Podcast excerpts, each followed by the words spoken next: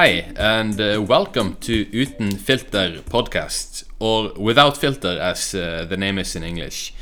Today's episode is going to be in English uh, because we have a very interesting guest for today's show.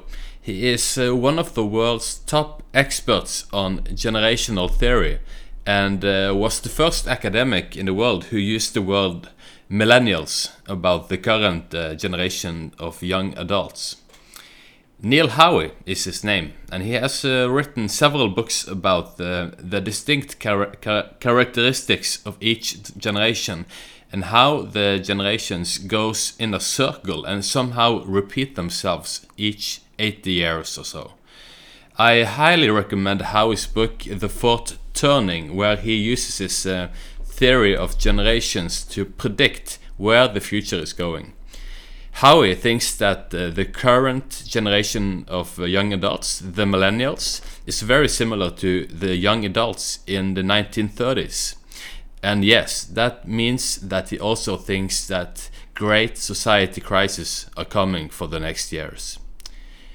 Mr. Neil Howe, thank you for coming on to the show.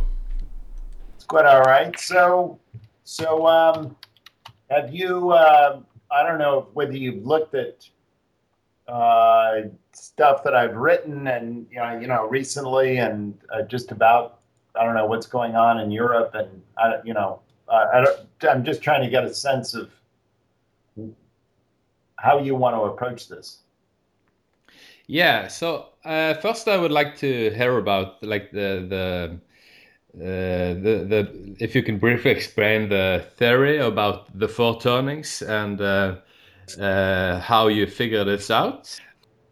Uh, just to give you a brief recap, uh, Bill Strauss and I wrote a book back in 1991 called uh, Generations, and it was basically a a generational history of America from the 17th century onward, uh, really looking at uh, reconstructing history as a sequence of collective generational biographies. And one thing we saw is that uh, generational differences have always been around. You know, generations have always seen their lives very differently than than generations that came just before or just after them. Um, and this is all due to their different location in history. I mean, one generation fights in a war, and the next generation are children during the war, and they, they see that very differently. And it and as they grow older, they they they acquire very different attitudes and behaviors and and people have always been aware of this, um, and I think that was one of the things we we found in our in in this in this history we wrote. We also found that that not only are generations different, they tend to follow each other in a certain order. Certain kinds of generations always tend to follow other kinds of generations, and and this this order, at least in American history, has been associated with some of the big um, rhythms or patterns we've seen uh, between periods of kind of outer world crises, the, the the the the total wars and the and the revolutions and the the economic crises on the one hand, and then and then uh, occurring about every every 80 or 90 years or so, and then roughly halfway in between the great awakenings of of American history when we changed. Uh, we didn't change the outer world so much as change the inner world. You know, these were the great upheavals in religion, values, culture, um, and uh, ways of ways of simply feeling about the world, and and this was associated with these these kind of types of generations, and this was something we we dealt with at greater length in uh, a book we wrote in 1997 called The Fourth Turning, looking at at these various types of generations and and how they're situated in history uh, we think that there are similarities between Europe and the English speaking world, uh, certainly ever since uh, the early 20th century. World War II and the Great Depression were global events and gave rise to, to, to, to some extent, global generations. You know, the, the generation that, that fought in that war and the generation that were children during that war, and, and obviously the generation born after that struggle and who came of age in the 60s and 70s. Um, and we use many of the same words for them. You know, the the the the, the boomers, the the 68 generation, die, 68ers, they call them in Germany, les 68 right? So you have in the same sensibility of, of protesting and rebelling against uh, social and cultural authority and giving rise to the Euro terrorism and the Green Party, which is now kind of aging with them, and and that that that sensibility of sort of renorming the world. Generation X, uh, born later, uh, born mainly in the 1960s and 70s in the United States, probably born a little bit later in in in Europe, uh, has again yet a very sensibility. Uh, they're kind of in uh, moving into midlife today, and the generation born after them. Um, we call the millennials, uh, born from the early 1980s on in America. Again, probably a little bit a little bit younger in Europe. Um, uh, and they too have very different, uh, a very, a very different collective personality. Uh, and we've written about them at length. We, we wrote a lot of books about millennials in the, in the, in the 2000 decade um, and about how they would change schools and colleges and the workplace and and and, and so forth. Just just to kind of bring you up to date, I, I did a story for uh, for Forbes not too long ago called "A Rising Generation of Eurosceptics," uh, which came out I think about a month ago, uh, and it was really um, it was about what we've noticed in this generation that's a little bit surprising to a lot of people. Um, I think, particularly the back in the 1990s, particularly when we thought of you know young people as more of the of Generation X, I think, particularly in Europe, um, the the the whole image of, of young people was um, individualistic, uh, globalist, uh, embracing diversity, tolerant and um, uh, kind of on the move, uh, and very much in sync with where the EU was going. And what really struck me was, and I think this is indicative of generational change, is that, and I first really noticed this in the um, in uh, uh, the elections in in May. I believe it was in 2014, the the European Union parliamentary elections where you had suddenly a um, you know a doubling and kind of the you know right wing or anti, you know Eurosceptic you know share of of the EU Parliament. I think it went up from uh, something like I don't know 12 12% around 26 27 28% something like that so you know a sizable increase but what's interesting to me is that before the uh, election everyone expected well of course young people would never vote for the xenophobic party, right? They're, they're all going to vote for, you know, they, they're all going to vote for the centrist party and, or for the left party. Well, they, they did vote for the left party, particularly in Southern Europe, but elsewhere in Europe, they, they certainly did vote. Mm-hmm. They voted for the Eurosceptics, right? Uh, often more so than older people. And so this was a piece in which we tried to understand why that was, uh, why why young Europeans don't mind associating themselves with uh, with uh, their national identity, for example, as opposed to the European Union identity, and why they have why they have uh, they no longer they no longer trust uh, the direction of the EU's leadership uh, as young younger people used to, or at least you know seem to seem to embrace it pretty pretty fully. And so, what's going on there? And and a lot of it, of course, can be explained by the economic condition of the EU, uh, particularly, uh, and and you saw that the disaffection for youth kind of is associated with four different variables that we looked at. One is is that you found the EU, the, the youth turning more Eurosceptic in countries which in which the unemployment rate was higher, in which the fertility rate was lower, and in which the emigration rate was high. So this mm-hmm. particularly would be true in Eastern Europe. Um, and and also where you find the, the greatest amount of mounting kind of popular resistance for the new uh, uh, immigration wave coming in from Syria. Uh, I will say that this this piece we wrote was done well before, uh, you know, right. the, the, Paris right. the Paris attacks. So. Yeah, and now you see talking about the elections. The the just was an election in France where uh, Front National, which was considered pretty far out right. just a few years ago, reached around forty percent of the votes in the regional election in, in France. It, it's interesting. I have not seen. I don't know if you've looked at it. Uh, I have not.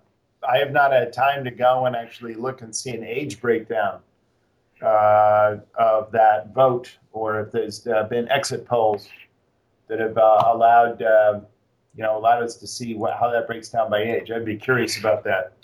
Right, right. Well, uh, you mentioned so many um, interesting things I would like to follow up. Uh, according to the theory about the four turnings, we are now in the fourth turning, which is the similar period uh, of time as uh, the people who were young in the 1930s and the crisis uh, that uh, that era with the Great Depression that led up to the uh, World War II. Yeah. So, how would you compare our current times right now with the the the climate or, or, or the society in the 1930s? Well, you know, uh, uh, I think I think the similarities are, are sort of obvious, right? Um, you know, start with the economy. A period of uh, kind of chronic underemployment of labor and capital, which is what we had in the 30s, kind of what we have today.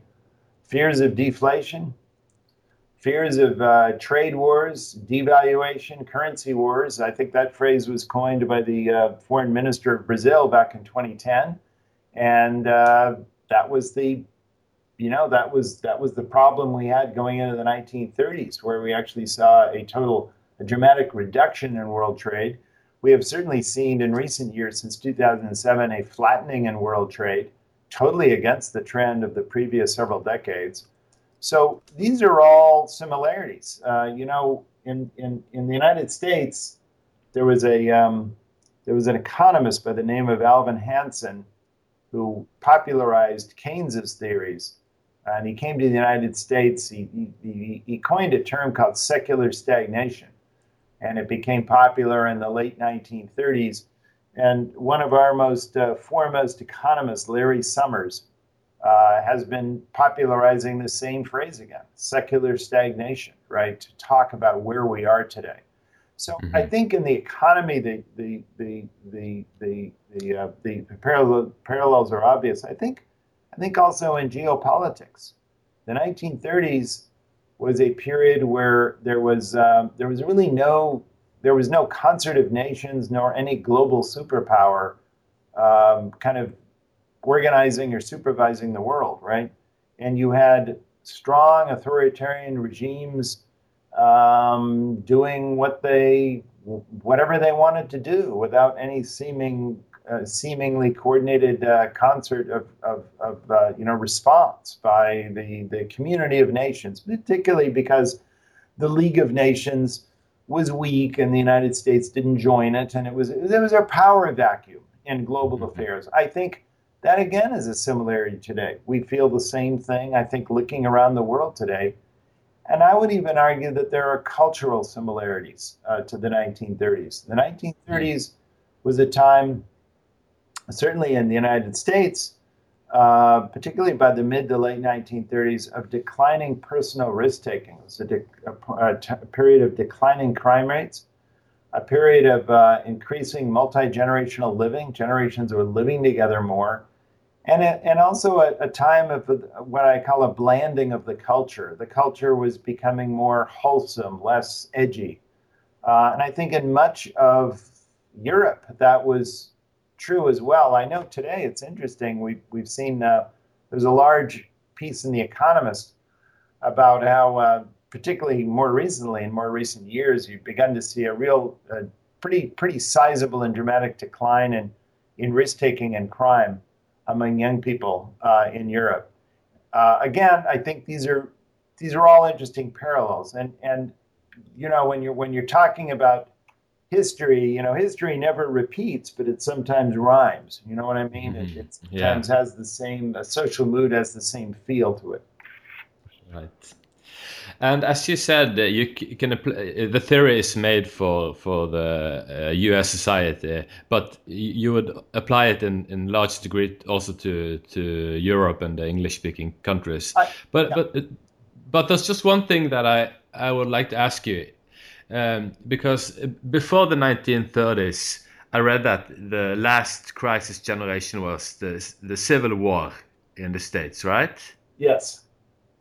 But but in Europe we had uh, the First World War just uh, some uh, 30 35 years before the Second World War. Uh, how is that like possible to have two so big wars so close together? How does that fit with with with these uh, turnings?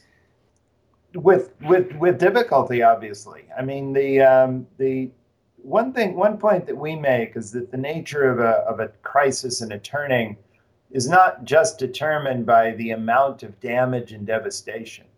It's determined by whether or not history really is, in terms of a fourth turning, in terms of a public crisis, whether or not all the all the outstanding issues are truly a, a resolved in a way which fundamentally changes the course of history over the next several decades. In other words, where all the all the all the open issues are closed and there's a whole new set of institutions for dealing with problems going forward, which leaves the world substantially at peace and, and, and more or less secure.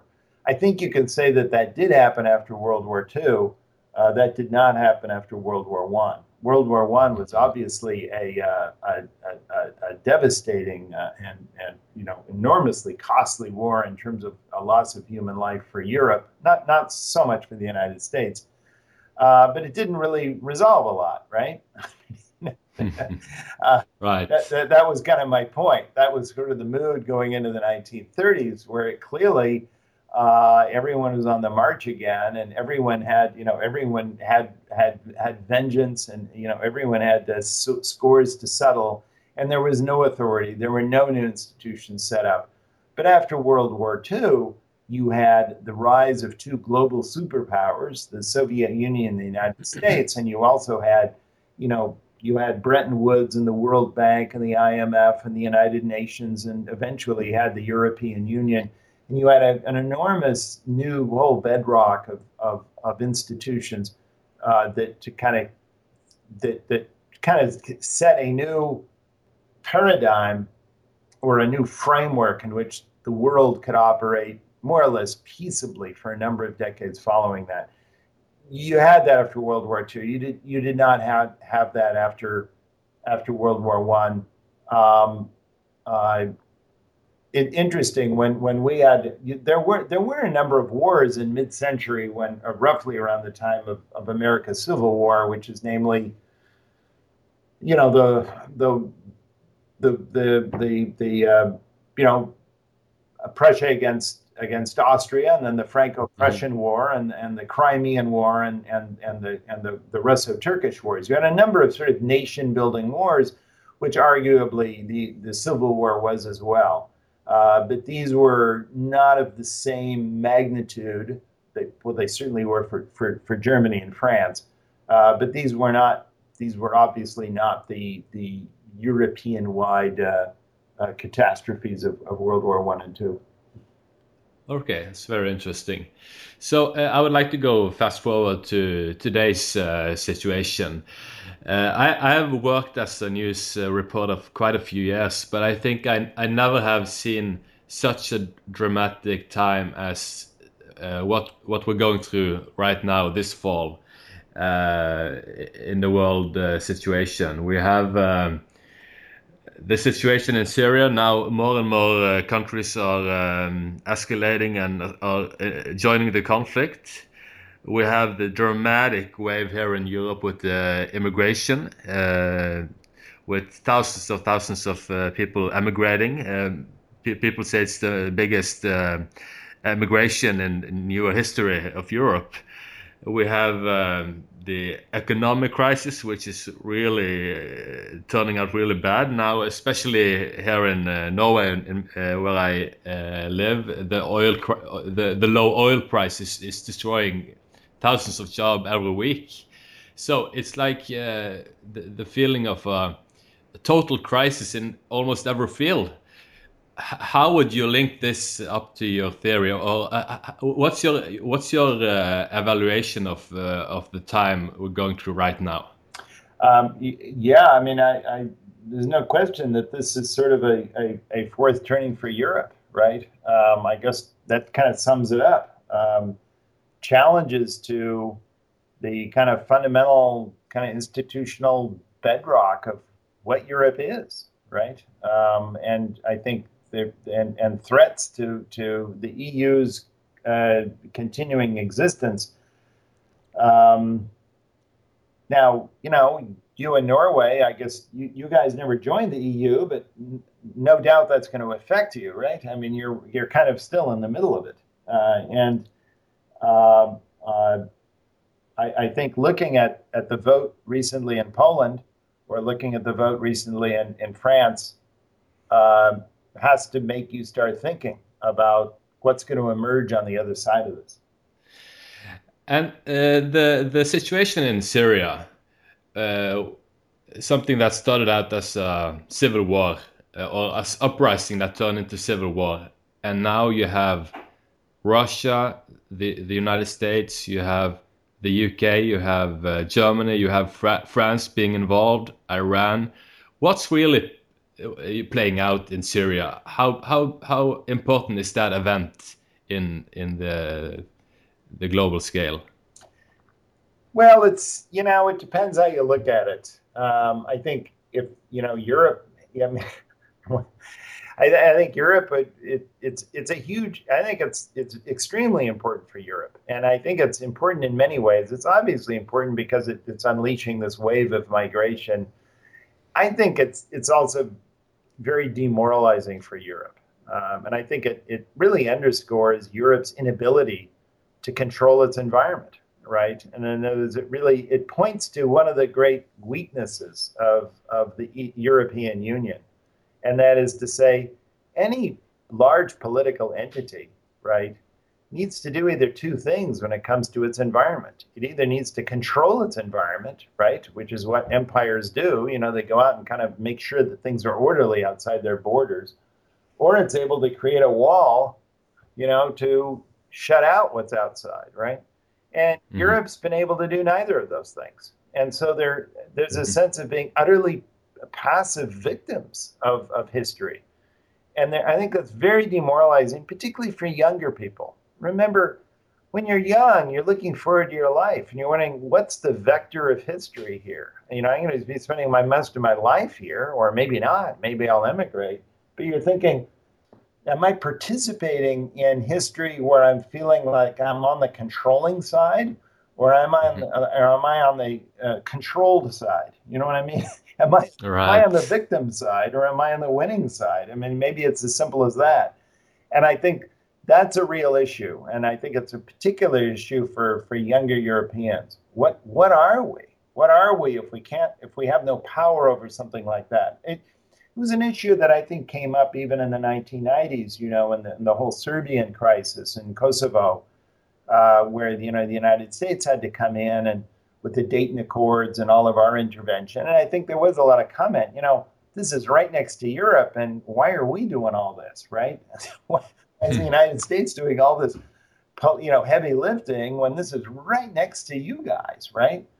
And you know, Europe sort of said, "Well, yeah, you know, we'll think about it. We'll assign a committee, you know, and we'll we'll we'll discuss this." And but nothing happens. And so, I, I think this is a, um, in other words, it, it's a lot of things for the Middle East, obviously, but I think its impact on Europe is one of sort of self realization or a recognition that we have certain weaknesses. We either have to become much stronger than what we were, or perhaps we have to completely reorganize into something else. Um, and I think the younger you are, the more likely you are to consider more radical alternatives, right? Um, uh, this is obviously a a a, um, a huge event for the Middle East um, this is the, you know, we've had an enormous, um, an historic um, awakening in Islam uh, that really started in 1979 uh, and and you know, of course, throughout the the 80s and 90s, and now we're dealing kind of with the aftermath of that. And this is a this is a, a global awakening. It's affected uh, everyone in Muslim majority countries throughout the world, uh, but its but its epicenter is is clearly uh, the Arab Middle East and and uh, and Persia, and and and this is this is historically very important in the history of Islam, and it's and it's and it's and I think it's obviously going to be very important in the in the long term history of the region. Right. Um, I read that you pointed to the fact that in in the U.S. immigration has turned around the last years, where yes. actually now more Mexicans are, are leaving the states to go back to Mexico because I guess the job opportunities are better there than in the states. Uh, but in Europe, it's uh, dramatically the other way around, where you have the immense uh, immigration. How is that affecting uh, Europe and this uh, and America in, in different ways? Well, that's that's that's kind of an interesting question. Um, the the uh, the decline initially of of Latin American immigrants into the United States was initially caused by the Great Recession uh, and the lack of jobs, particularly in construction and so forth. Um, but I think um, I think you're going to see a much longer term shift, um, and that is even you know when and if the United States becomes you know fully fully employed economy again. Um, I don't think you're ever going to see the same migration uh, from uh, from Mexico and, and South Central America, South America. And the reason is is because there's been an enormous decline in fertility rates in Latin America. Um, starting in the 1980s, the families are now much smaller. Most immigrants are between ages 15 and 35. I mean, that's kind of the norm. Um, and so people in that age bracket now in Latin America all now come from much smaller families.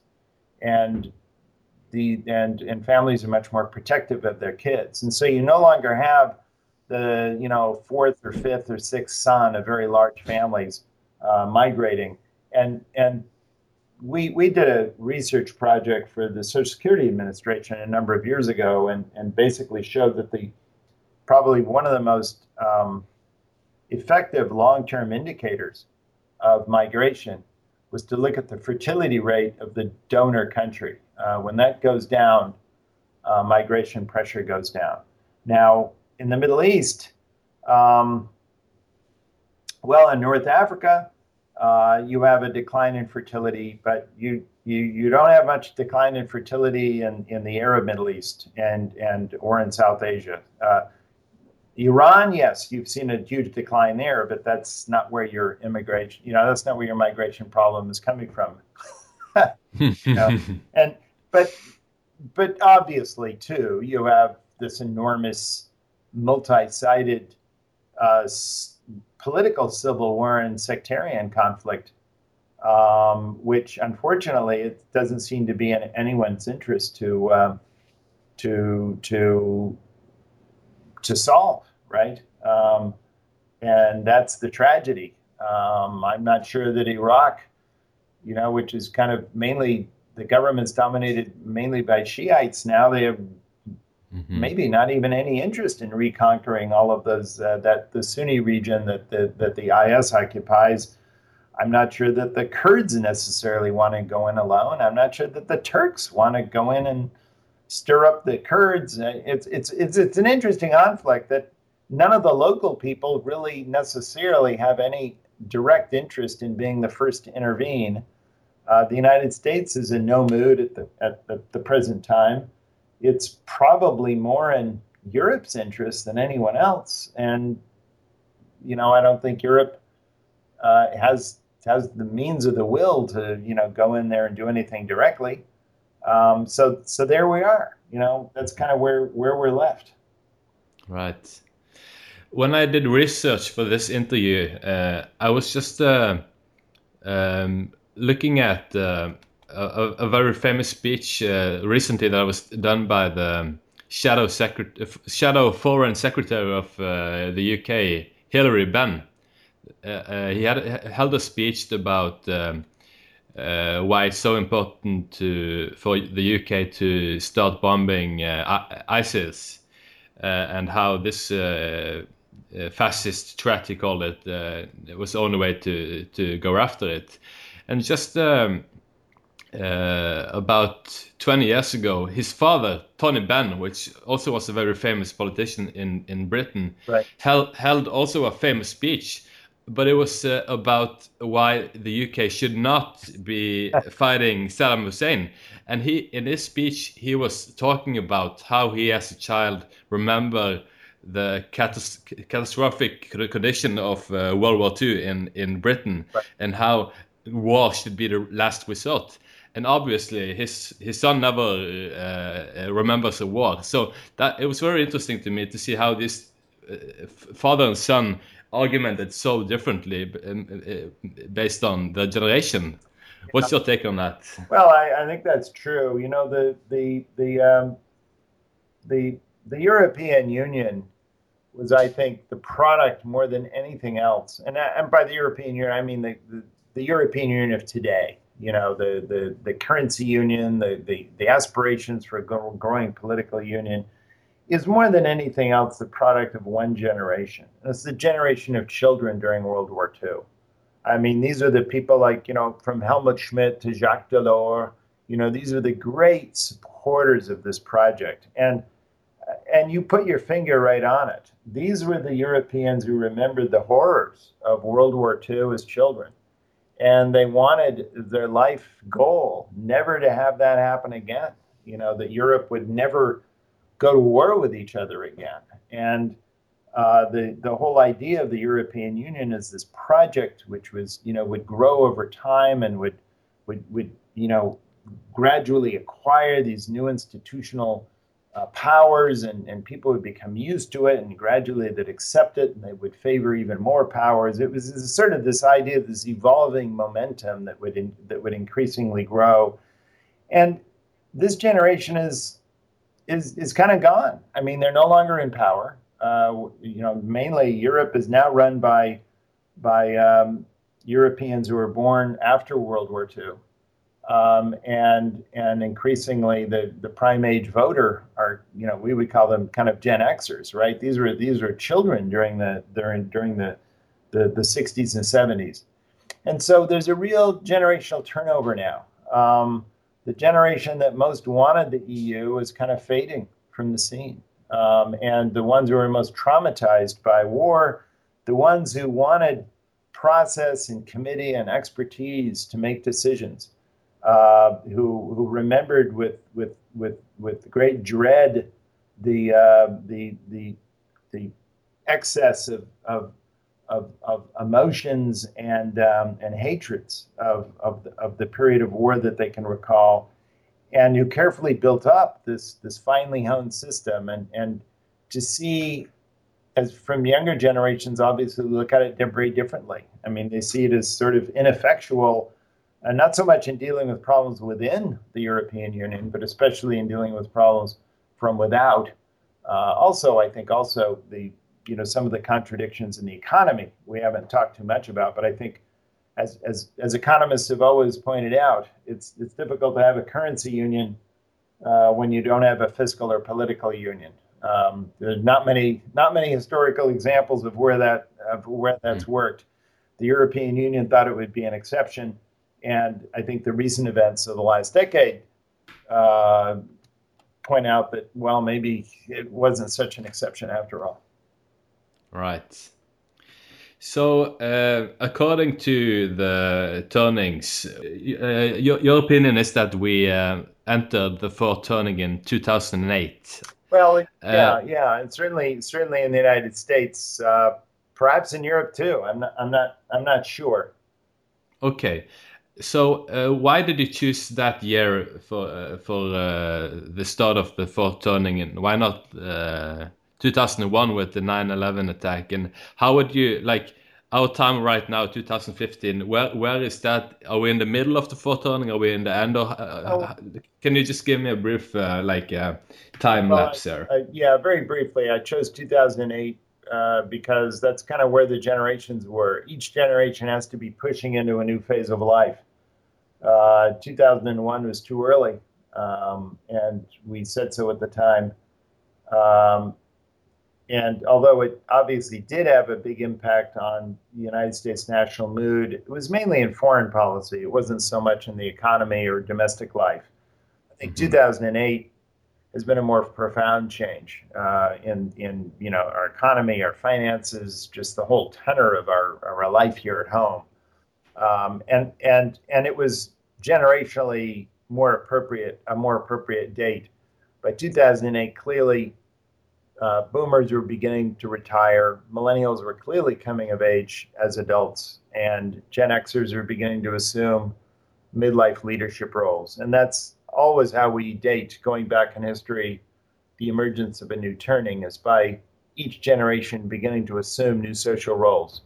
So that's kind of a brief explanation. And and turnings are also the division are, are dividing lines, marked dividing lines between what generations experience and what they don't. Um, you know, a, a, a boomer, whether here in America or in Europe, I think the basic definition is do you remember, do you have any personal knowledge or recollection of World War II or its immediate aftermath, right?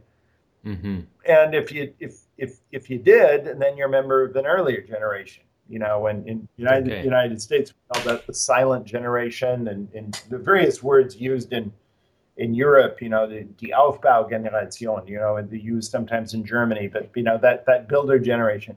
The the and, and then you look at different generations and how they're they you know what they just missed and what they hit. It's interesting to me to think about the generation that will not remember anything before 2008 um, that's going to be the post millennial generation right? Mm, okay. and um, and they will have yet a whole new set of uh, you know a whole new starting point and a and a whole new mood and a and and they will they will never know what came before it uh, unlike all older generations. Right. I, I'm guessing that most people they tend to look at history as a um, linear uh, thing, where we all the time evolve and get better, maybe, or like go straight from one, one point to another. But what's very interesting about your theory is that it it's, it, it looks history as uh, in in a cyclic thing. Uh, what do you think we can learn uh, from um, this approach to history? Um, well, I, I think we learn how life really is.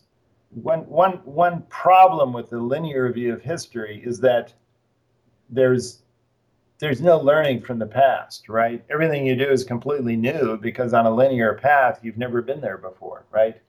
And, and mm-hmm. obviously, in some things, change is linear. Um, you know, you think of changes, for instance, in certain aspects of technology or health or um, you know population change and so on. I mean, there there there are linear aspects to change over time, but I think when it comes to the great social changes, cultural changes that that we experience, um, I think it it it greatly assists us and greatly helps us to see the times we live through are times that in in many aspects we've been through before, just under different you know, under under a different guise in a different situation. But essentially, we've been there before, and I think that's that's empowering. Um, it, it, gives us a guide. It lets us know where a, a, a, trail between where we've come from and where we can expect to go and where we expect our kids to go in the future. It um, it it makes us feel as though someone's been there before, uh, and that and that history is not accidental. Um, you know, we were talking earlier about how today was, whether it was or was not like the 30s, right? Um, but you know, I don't think anyone would say that this decade is like the 60s. you know what I mean? It's, it's, not so many hippies in the street yeah, today. Exactly, and it's certainly not like the 50s. So I mean, so once you begin to think that way, you begin to think very interesting questions. So, well, if it's not like that, then why do different kinds of decades tend to follow other kinds of decades? You see where I'm going with this? And then you begin to think, well, what links these decades? What are the what is kind of the generational continuity there? Why why does why does the mood change from uh, from one period to the to the period after it. It's fascinating to me as an historian that when you read histories of societies or nations or, or, or periods of history, historians are always making offhand references to generational change, to trying to describe why a new decade or a new era suddenly felt different. Um, and but for the constant references that historians make generally to this kind of ineffable idea of generational change, they never stop to examine it. Well, what is a generation? Why does it change? Are there any patterns to how this change works? Right? If you're going to constantly invoke something to explain why the mood changes, right? I mean, if you're looking, you know, go back in European history, you're going to look from the from the 1840s to the 1860s. Oh my God, there were huge changes in the social mood all over Europe. But why? And how does that work? And, and how does it, how does an emerging generation bring about this change in mood? That's what we tried to examine. So what we tried to do is take an intuition, which almost every historian uses in a casual sort of offhand way, and try to make it a little, put a little bit more content into that idea. Right. Yeah, no, it, it was a really, real eye, eye opener uh, reading about uh, your theory. It's almost like kind of poetic. It's like uh, after winter, the spring and the summer and fall is like a season. But but, but at the same time, I'm I'm thinking, uh, oh, like, is it uh, does this mean we, we really aren't uh, in control of the the the history? Like, are we just like uh, a big bunch of mice uh, running around in a wheel where the where the future is destined by these uh, these turnings that that uh, we know are coming according to your uh, no. your theory? You know, look, I mean, first of all, individual leaders and generations and uh, of parents and leaders can can make history turn out well or badly. I mean, the fact that they're turning doesn't necessarily mean that we succeed in doing what we want to do in that season, right? Uh, you know, a winter can be mild or a winter can be civilization ending, right? Um, so, so how we navigate the seasons is where we exercise our individual and co- collective free will, and and and that's important. Um, I think linear history, um, I think leaves people with even even even more adrift uh, because then they feel that they have not only do they have no control, they they haven't the slightest idea where anyone's going, right? and mm-hmm. the worst thing about linear history is this: so the times are great, you feel, oh, this is great, this is going to last forever. But when things start going downhill, people feel, my God, this is the way it's going to go forever, right? Mm. And I think that's when looking at looking at cyclicality makes you realize winter is a season, you know, but spring comes after it. And even during the winter, there are there are seeds, there are things being done which will create better times beyond. And so there's a there's inherent in seasonality in history is the idea of rebirth, regrowth, um, and not giving up just because immediately things don't look good. You, you've often, society has, has given rise to forces which will create things good in time. You just have to wait for a little generational change to happen. So some of the seeds that have planted can fully bear fruit.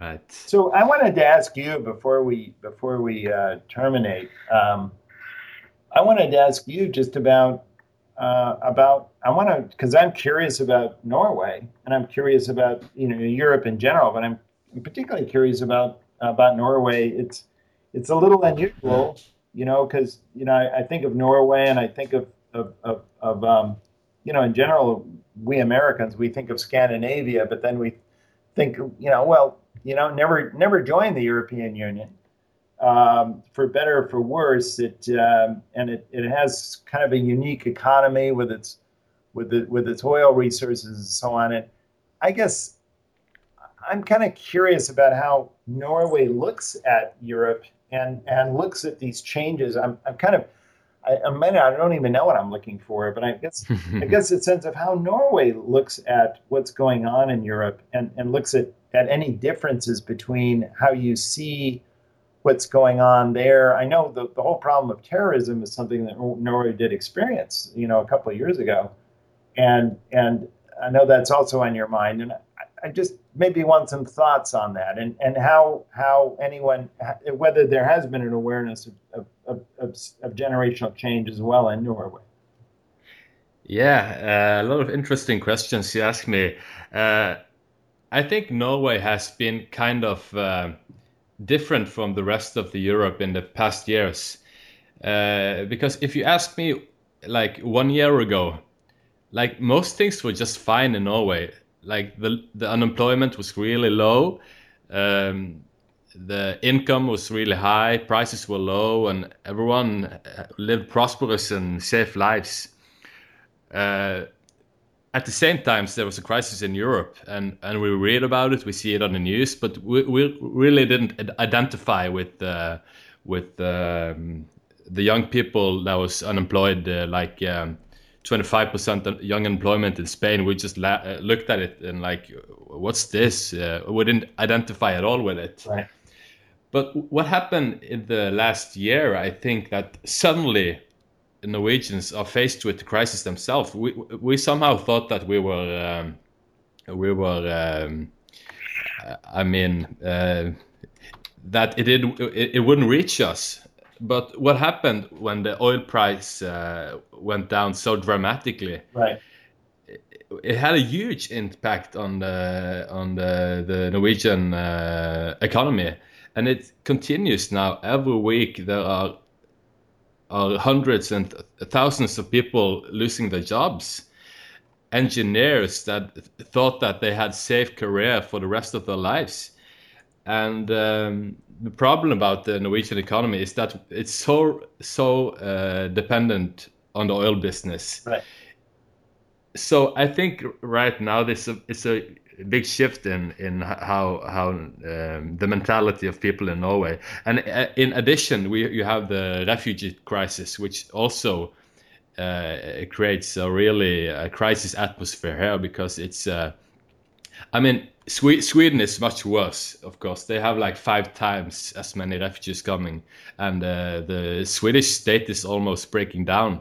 We're not there in Norway, but we are we are seeing the same tendencies so I think people are really um, faced by this. That wow, now we have really have to take some uh, big decisions uh, in the next few years to about how the country is going. Do you have some of the same, uh, you know, kind of political, you know, kind of uh, I, I, hate to say backlash going on, but you know, in in in Sweden, the uh, the you know the populist party now is is polling very highly. You know, the one that was shut out by the liberals and conservatives is po- polling very highly. And you know, Denmark just had a had a big change in a in a kind of a right wing direction. Um, you know, you you see some of these response. Obviously, we we already talked about uh, Marine Le Pen. Is, is there anything in Norway that's? I mean, you you don't seem to be experiencing that, do you? I think um, uh, that might be the good thing about Norway that we had uh, you, we have had much more open debate about the immigration issues than uh, especially Sweden because Sweden it has been a horrible uh, climate for public debate where if you just were a little critical uh, towards immigration issues uh, you you would be silenced instantly. But in Norway there had been actually room in the public debate to to talk about the negative impacts of uh, immigration and how how uh, dangerous it is for the economy, um, for for the welfare state. Why? So why is that in Sweden? I mean, why? What accounts for that difference? I. Uh, it's a big question. I, I, think it might have have something to do with the, the fact that Norway was uh, was uh, uh, occupied during World War II. Right but Sweden was a neutral state uh, uh during World War II. They were not uh, on the Hitler side and not with uh, the Allied side. And and there was a lot of um, uh, national socialists in Sweden at that time. so the the the, the I think the, there has always been like a fear in Sweden of being identified bit, uh, with um, the Nazi pe people that that uh, thrived during the World so War II. So it's a little bit like like people say that Angela Merkel really had to do this because you know she could she had to sort of live down Germany's reputation for being anti-immigrant and so on. So there's a little bit of that. Yeah. Yeah, I think there's some similarities. Absolutely. Interesting. Wow. Yeah. Yeah. Um, but uh, uh, I would like to just uh, challenge you. Uh, of uh, how do you think this uh, winter, as we call it earlier in the conversation, how do you think it will play out from now? obviously, we're talking about the the right wing, the, the, the rise of the right wing parties in Europe. But like, what will happen to the economy? How bad will do you think it will get? You know, that's a that's a great question. Um, you know, first of all, just in terms of turnings, you know, if if turnings are are a little bit more than 20 years long, they're about the phase of a lifelong. So, you know, if if something that starts in 2008 is is still going to be with us for a while, right? so, so it's, it's, an era. It's not an event, um, and you know, crises occur within the era, right? Um, certainly Europe has had its share, fair share of crises, you know, in the last few years. Um, financial, uh, economic, uh, and now I think perhaps political, right? And and um, I think there are going to be enormous challenges to uh, to the European Union. Um, uh, because because each of these shocks kind of adds one onto the next, right? Um, you have you have the whole problem of, of, of trade adjustment and economic adjustment because of the of the euro, uh, but then then on top of that you have the immigration problem and the problem of of of, of you know uh, centralization and, and countries tired of having to to always do Europe's uh, bidding. Um, obviously, this next year with the vote in, in the UK uh, on the referendum. I think that's going to be obviously a, a, huge event, certainly for UK and, and, and also for Europe. But but I think again we, we again we talked about France. We you know you look at some of these other countries. You look at the the, the fences being built all around the Balkans. It's, going to be enormous challenges uh, to to Europe. And and if they if they do if they do break up, if it begins to break up a little bit, maybe if you know, I've heard some people say that the the the Schengen zone will you know just include you know just the core kind of Germanic countries in the middle. You know, I'm, and there have been a, some radical ideas I've never seen before. You know, proposed in recent weeks. Uh, I think it's going to be very rapid historical change. One one thing I often say about history is that is that you know some some decades go by and there's almost no history, you know, very little changes in public life. Mm-hmm. And then other decades, history moves at just dramatic, titanic speed. And uh, it's not, it's not a, a it, history does not move at a constant rate, is what I mean to say.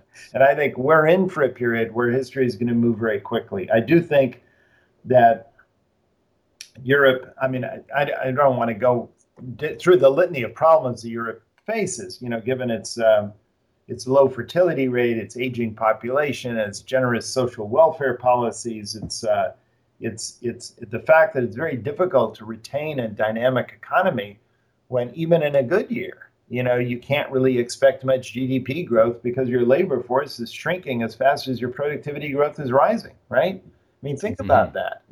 Um, what does this mean for mobility of labor to new jobs, new ideas? What happens to industries when year to year you can't even expect, even in a normal year, for a particular market to grow? Well, that typically leads historically to cartelization, right? It leads to monopolists. It leads to a much more top down way of thinking about dividing up markets rather than always bringing in new entrants and growing the pie and inviting innovation. And again, I, I, will say that this was something that was much discussed in the 1930s when people similarly were, were you know, had fears about a great birth dearth coming over coming over Europe. You remember this is one of the, particularly in um, in the German-speaking world, this is a big fear. You know, after World War One, that we had entered this period of, of, of lack of demographic growth. Well, what they were looking at then is um, uh, would be considered healthy growth compared to what we have today, right? Hmm. So right. these are these are enormous challenges. I do think that at heart, the real challenge for Europe, I think, even beyond these these economic issues, you know, these, these these these economic problems and political problems, you know, which which are kind of multifactorial. The real Europe, the the real issue is just to once a sense of mission. What does it mean to be European? What is your role in history? What do you what do you teach your young about what your future is going to be? What you know what, what do you what what are you participating in collectively that's going to make a difference for the future? And I think that's that's the issue I think that that that Europe needs to face. So it's an issue that, right. that every country faces. It's certainly an issue that, that, that America faces. But but looking at what's what's your sense of efficacy in history and and how do you it's not just a sense of getting by it's a sense of how are you participating in, a, in, in making the world a better place and and and pushing pushing the world forward it's interesting, and let's just come back lastly to this whole question about linear history. It's interesting that these turnings, the rhythms of history, mainly tend to occur in societies which have linear views of history, which is kind of interesting, right? Hmm. Um, completely traditional societies don't really have rhythms of history per se because nothing ever changes, right? Every generation right. is the same as it was before. You know, you just fit into your prescribed roles for generations to be different, there has to be a sense that each new generation can reshape institutions according to its own personality. And that leads to these larger cycles that we see occurring historically.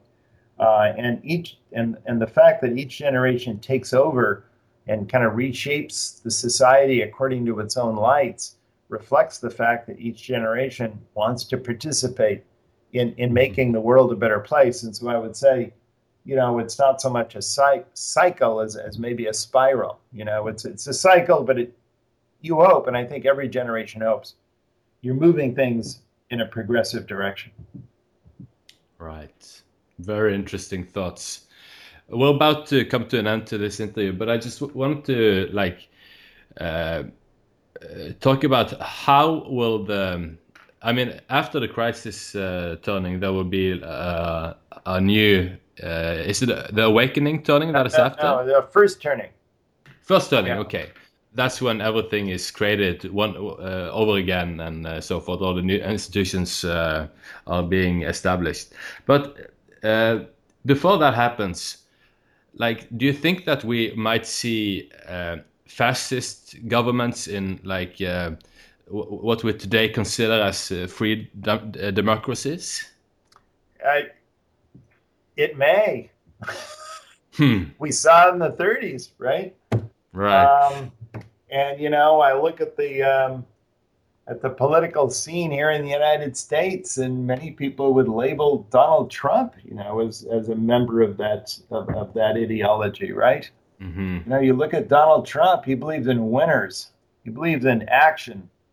Yeah. Um, and and uh, and and and he believes in um, in doing whatever it takes to get things done, right? I mean, if that's that's the ideology of fascism, isn't it? Yeah. Do, do you see like the persona cult with Trump, like similar to uh, prominent uh, figures in the 30s? I, you know, I'll, I'll leave it the eye. You know, it's in the eye of the beholder. Mm-hmm. Uh, uh, I I can't recall anyone like Trump rising to such prominence in American public life. Wow. Since since Huey Long. You know, there was a there was a novel written in 1935 in America by a very famous writer, uh, Sinclair Lewis, and the title of the novel was "It Can't Happen Here," right? And it was the novel was about a fascist takeover of the United States in the mid 1930s, and it was it was based on um, the lead character was loosely based on um, Huey Long, who was, you know, a famous populist governor of, uh, of Louisiana. Um, now, the Huey Long was actually assassinated shortly before the, the book appeared, you know, to the great relief of uh, Franklin Roosevelt and the Democratic Party. I think they were very happy to see him out of the way. Um, and it was one of the reasons, too, why FDR really took the party to the left in the election of 1936. He needed to compete, you know, with these populists who were who were, you know, gaining a fair amount of attention in the United States. But but you look at so much of what the United States did, uh, you know, which was which which was, you know, kind of uh, mimicked much of the currents in the 1930s. I mean, we built our our interstate highway system because everyone who went to Europe admired the um, the autobahn. Um, we had the the CCC, which was a famous youth corps uh, formed in the 1930s to go out and plant trees and build dams, was modeled after the the the, the German you know youth movement, and and there were many currents in architecture and arts and many areas of our culture and society in the 30s which have an obvious similarity, right, to what people saw and, and what were regarded as, as dynamic uh, uh, and, and dynamic and successful uh, economies and, and, and uh, uh, uh, political systems at the time, namely Italy and, and, and, um, and Germany.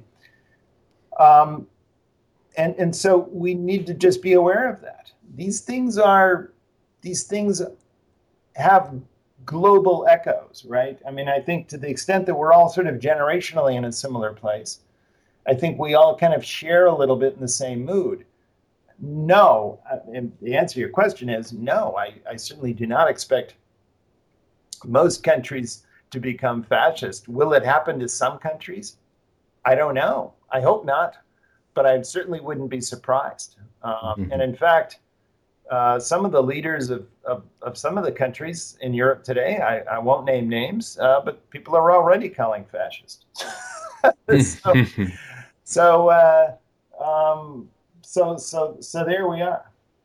Yeah, but what's uh, I mean, kind of confident to to hear is that even if though uh, we will see fascist uh, powers emerge learning about the theory of uh, the generation, you, you you can be pretty much sure that it will end and something better will come out of it. Uh, so I guess you just have to sit sit quiet in the boat while we're while we're going through this uh, this crisis uh, turning. Totally, totally. Anyway, Jonas, thank you. This was a this was a this was a pleasure. Yeah, thank you so much for taking the time to do this interview. Great. It's been a it's been a big pleasure. Great. Well, thank you very much. It was a pleasure. Okay.